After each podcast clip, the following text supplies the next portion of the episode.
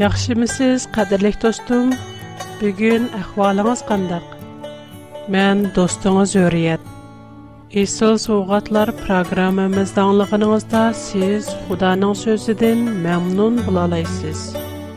Килин, достум, програмымыз сізге худаның хаqiqi muhabitini yatqysup oymakchi. Бюгінки шохбат dimimiz arishtiki Osmanlarning va zaminning podshohligi Allohga mansub ekanligini bilmamsan? Sizlarga Allohdan boshqa hech qanday do'st va madadkor yo'qdir. Qur'on-Karim 2-sura Baqar 107-oyat. Меніңше көпчілік достарым айып пайғамбар тоғырлық хілі көп аңылған болышы мүмкін. تۆۋەندىمەن تەۋرات ئايۇب كىتابىدىن قەدىرلىك دوستلىرىمغا ئايۇب پەيغەمبەرنىڭ ھېكايىسىنى ئوقۇپ بېرەي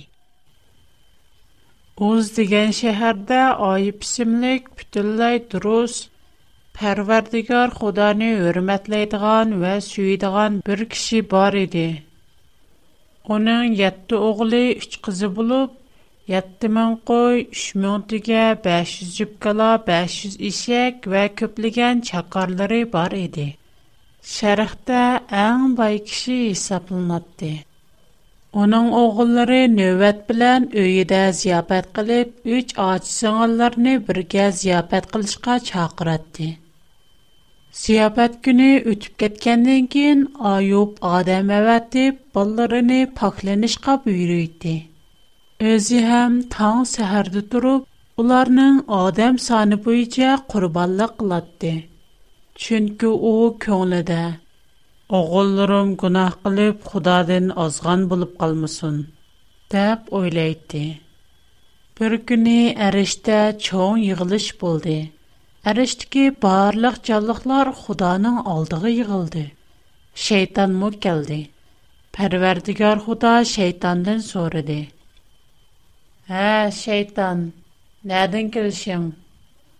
Пүтін ер-юзіні айленіп чықтим. Шу ердін қайтип кілшим. Чаваб барды шейтан.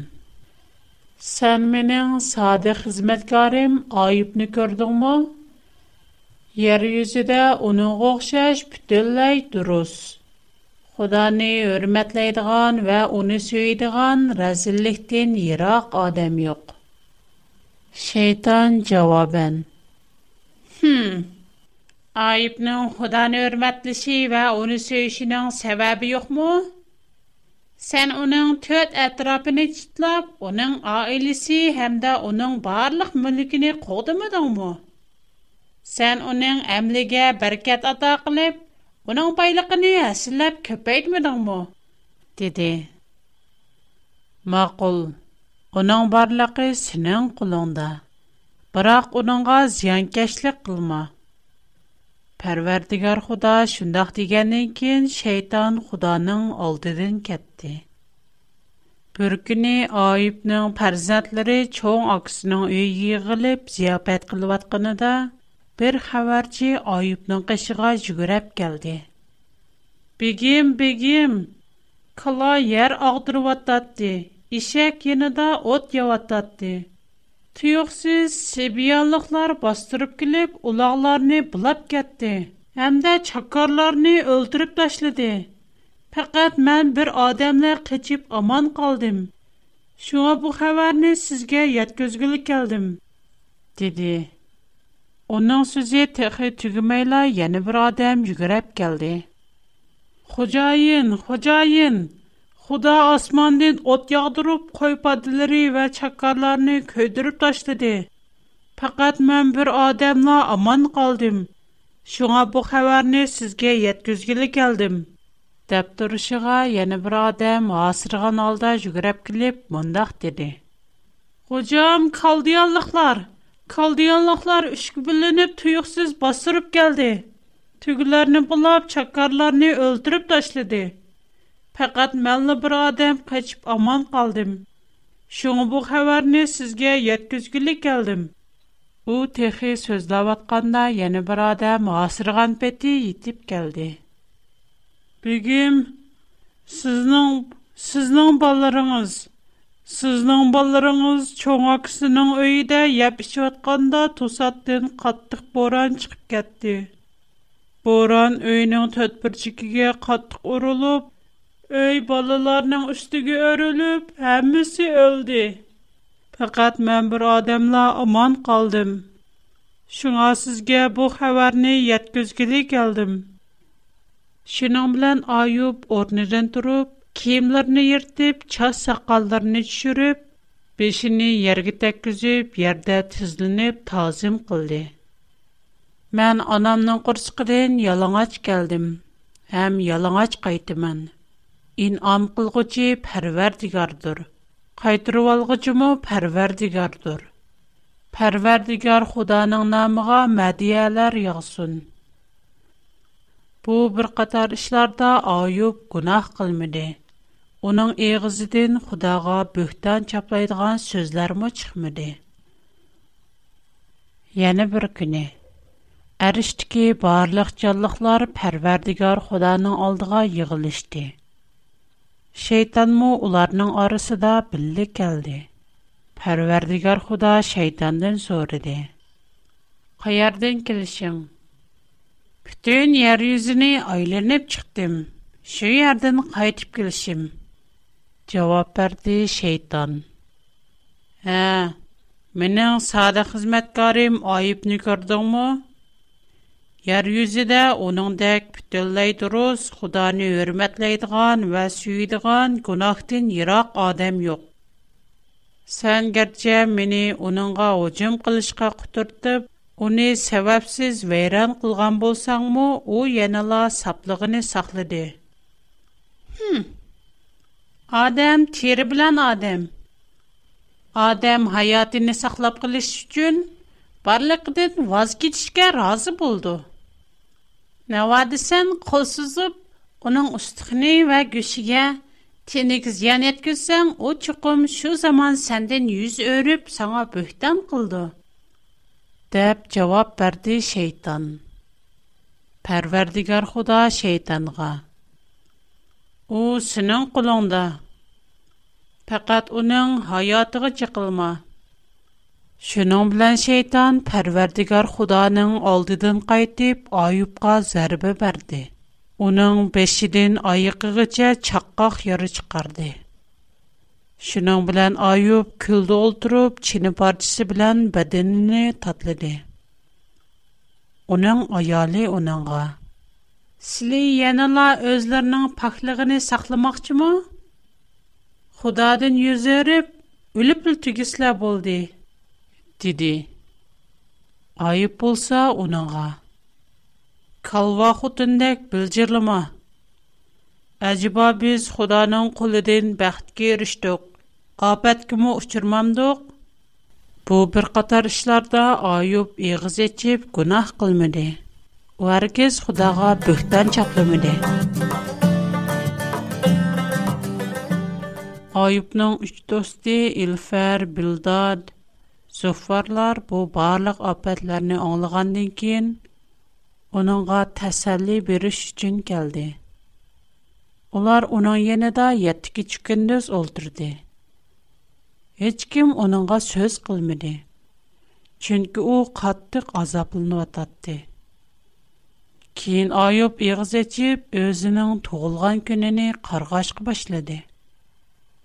Mən doğulğan aşı günü ham o'g'il bo'voq ekan degan ashu kecha yo'qolib ketgay u kuni qorong'ulikqa aylanib qatorliq nurg'un so'zlarni qildi biroq uning do'stlari bo'lsa siz chuqum biror yushurun maxfiy gunoh qilibsiz shu xudo sizga g'azab qilib sizni jazoladi deb oyib bilan munoziralashishga boshladi Айып болса, өзінің гунақсызлықын әйтіп, олар білән мұназыры қылатты. Олар көп мұназырләшкәннен кейін айып өзіні әққаны деп чыңтырғалық үшін, оның үш досты оныңға яна жауап қылмады. Бұл жағда оларның арысыға құшылып олтырған Илеху үсімлік яш айыпқа атчықланды. Чүнкі айып өзіні әққаны деп қарап, Худаны хаққаны демеген еді. Элиху яна Айыпның үш достыға ачықланды. Чүнкі олар Айыпның сөзге жауап қайтыр алмай, янала Айыпны күнақ қылды деп чен тұрды.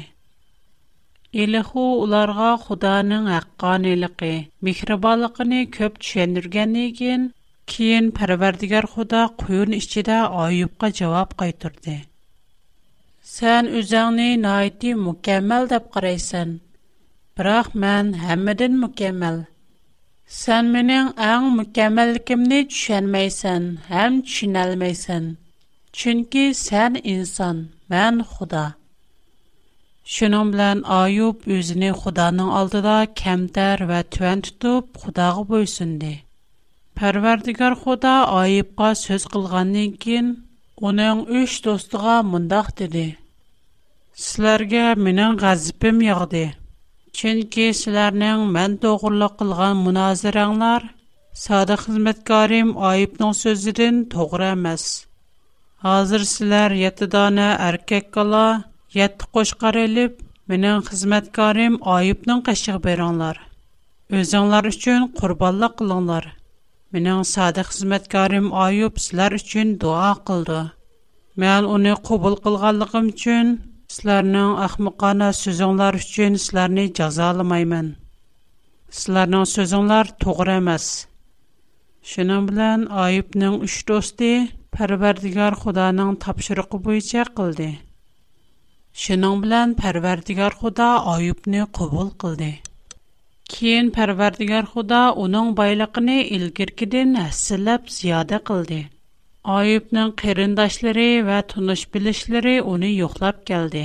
Ham u uchirgan kulpatlarga ich og'irtib, tasalli berib, har bir odam uningga bir parcha kumush va bir tol oltin alqa sovg'at qildi. Shunda qilib, Parvardigor Xudoning keyin Ayubga ato qilgan baxti burunqidanmi ko'p bo'ldi. U 14 ming qo'y, 6 ming tuga, 1000 мен ишекке ирişти. Яна ятты оғул үш қызғымы иги болды. Уның үш қызы найти гүзел болып, о ярда оларға оқшаш чырайлық аял тепілмайды. Айып қызларыны оғуллары қатарыдын мирасқа иги қылды. Мана бу Айып пейғамбарның икайсы. Айып китабы жәме 42 баб. Тахминан 3 баб нәсіре Айыпның апат күчіраш вә илтпатқа ерішеш жәрияне баян қылынған. Қалған 39 бап нәзмә яки шиер шәкілді езілған болып, асаслығы айып пейғамбар вә оның достыры отырыстығы мұназыры.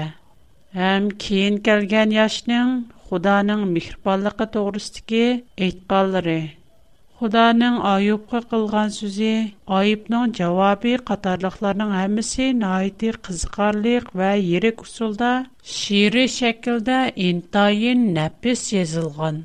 Бұл кітап бір қадар ұзын болғашқа достырымғы пәкәт үш бапны еғінчақлап оқып бәрдім. Қадарлық достырым, екайыны аңлап болдық. Екай әқіндіке түнде есиятыңыз деме? Xuda və şeytan haqqında nimlərni oylaysız? Xuda rastilla Ayubni cəzaladımı?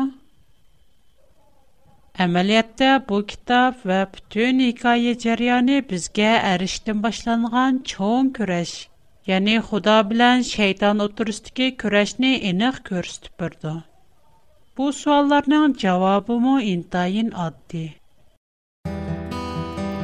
Samaviyatımızga Bozundayım şan Onun mihribanlığı Bizge bir payan Şan şereple Rabbimizge Şan şeref Kudağa Mukaddes ruhin bizlerge Yar Bosun. Ah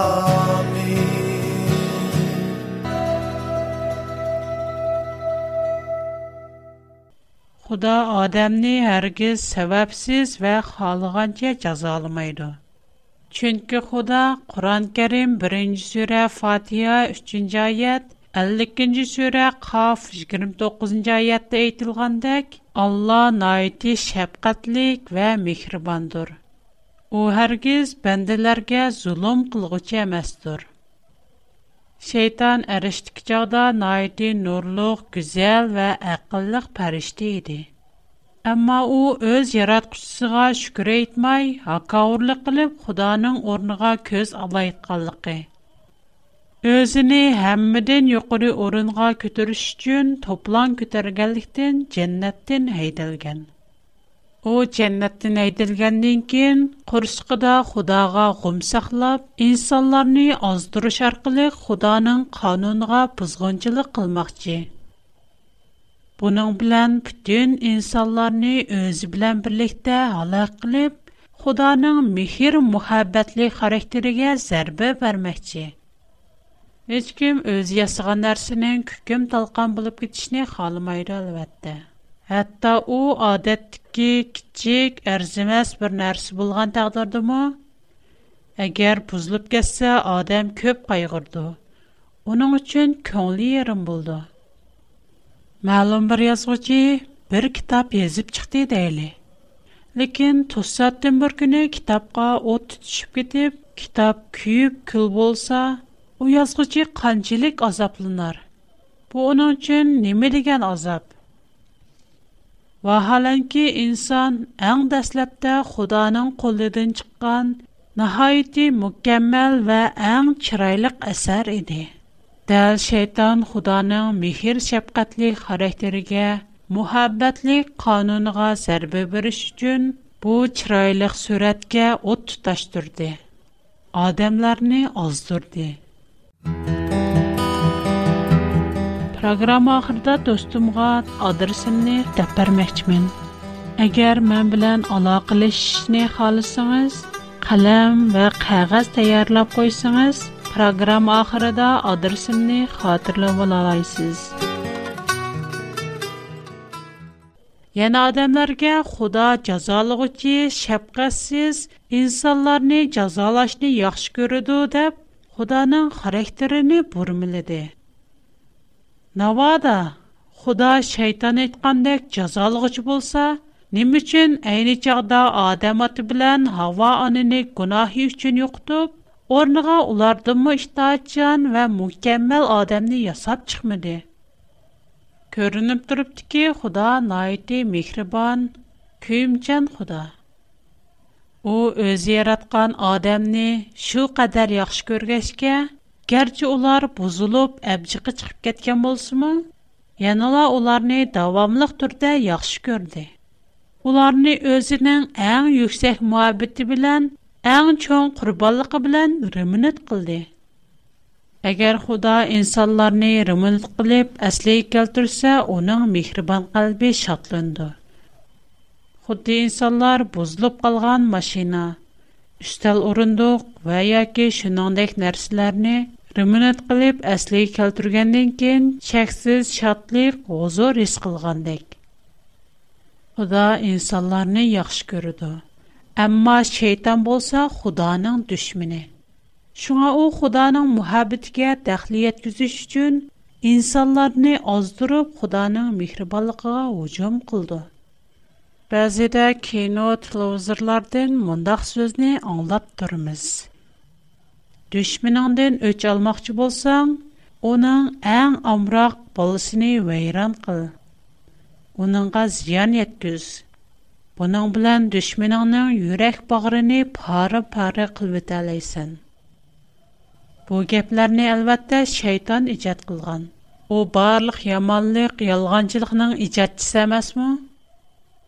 Айыпның икайсы әрішілік худа білән оның дүшміні шайтан отырысыдеке жаңның кичіклетілген көрініші. Шайтан худаға төхмет қылса, қары чаплыса, біз өз түрімішіміздікі худаның бізге қылған әр бір үлтіпатыны ойлап күрейлі. Бәлкім, бәзіде бізнің күнақларымыз сәвәбіден худа бәзі сәвақлар арқылық бізні тәрбелеген. Mihrbanlıq yığıp turgan äyibläşleri bilen bizni toğrı yolğa qaytırıp kelгән bulış mümkin. Bu hərگیز jazalaş emas. Muqaddas kitap Injil İbraniyalarga yazılan xat 12-nji 5 6-nji ayatda mundaq tiilгән. "Ey oğlum, Rabning tərbiyesigä sel qarma. Rabning äyibläşidən ruhsızlanma." Чөнки ул сөйгәнләргә тәрбия бирде. Өз кабул кылганларны савайды. Бу аятның мәнисе нимә? Худа инсанларны яхшы күрде. Шуңа уларга һәр хил усул белән тәрбия кылды. Әгәр бер адам хата юлга карап маса, Худа уның алак булышыгы чедмай, ул кешене ашу кеше күтәрәлегрәк дәрәҗәдә әйипләйде. Навада бер ата өз пәрзәтіне яхшы көрдім дәп тұрып. Балысының хәмі ішлерға йол қойса. Балысы арақ чеш, тамак чекеш қатарлық яман ішларыны қылғанда, баламны сүймен. Оны әйіплешке, жазалашқа құлым бармайды деп балысыны давамлық пәпілісі. Бу атының балысығы болған мекрибалықы күйімчалығы қандық. Әгәр бала яман йолга кирип, бала гычырса, очуқым атысыдын, атысының тәрбиесіден қаттық ағырынды. Бу атты болса, баласының бешіғы чыққан чоң әйіпкар болып есаплынды. Оқшашла бір атта өз баласыны яхшы көргәлікі үчін, баласы хата іш қылғанда оны әйіплейді. Эғыррақ болғанда оны чевіқ білән савайды. Әмма һичкандак бер мехрибан ата өз баласын купалмайдыган дәрәҗәдә каттык урватмайды. Уларның балларыга тәнбих бирише, уларны савышы, бала күтерәләйдыган дәрәҗәдә йинек һәм йомшак. Әгәр аты булгычы купаллык белән баланы урып купалмас кылып койса, яки баланы яхшы тәрбиялмай үз мәйлеге куйып берсә, Бубала бала әргіз оның өз баласы әмәс. Чөнки о бу балаға күйінмейді, яки оны яхшы көрмейді. Худа бізні әр қандақ бір михрибан атыдың му бәкірек яқшы көрді.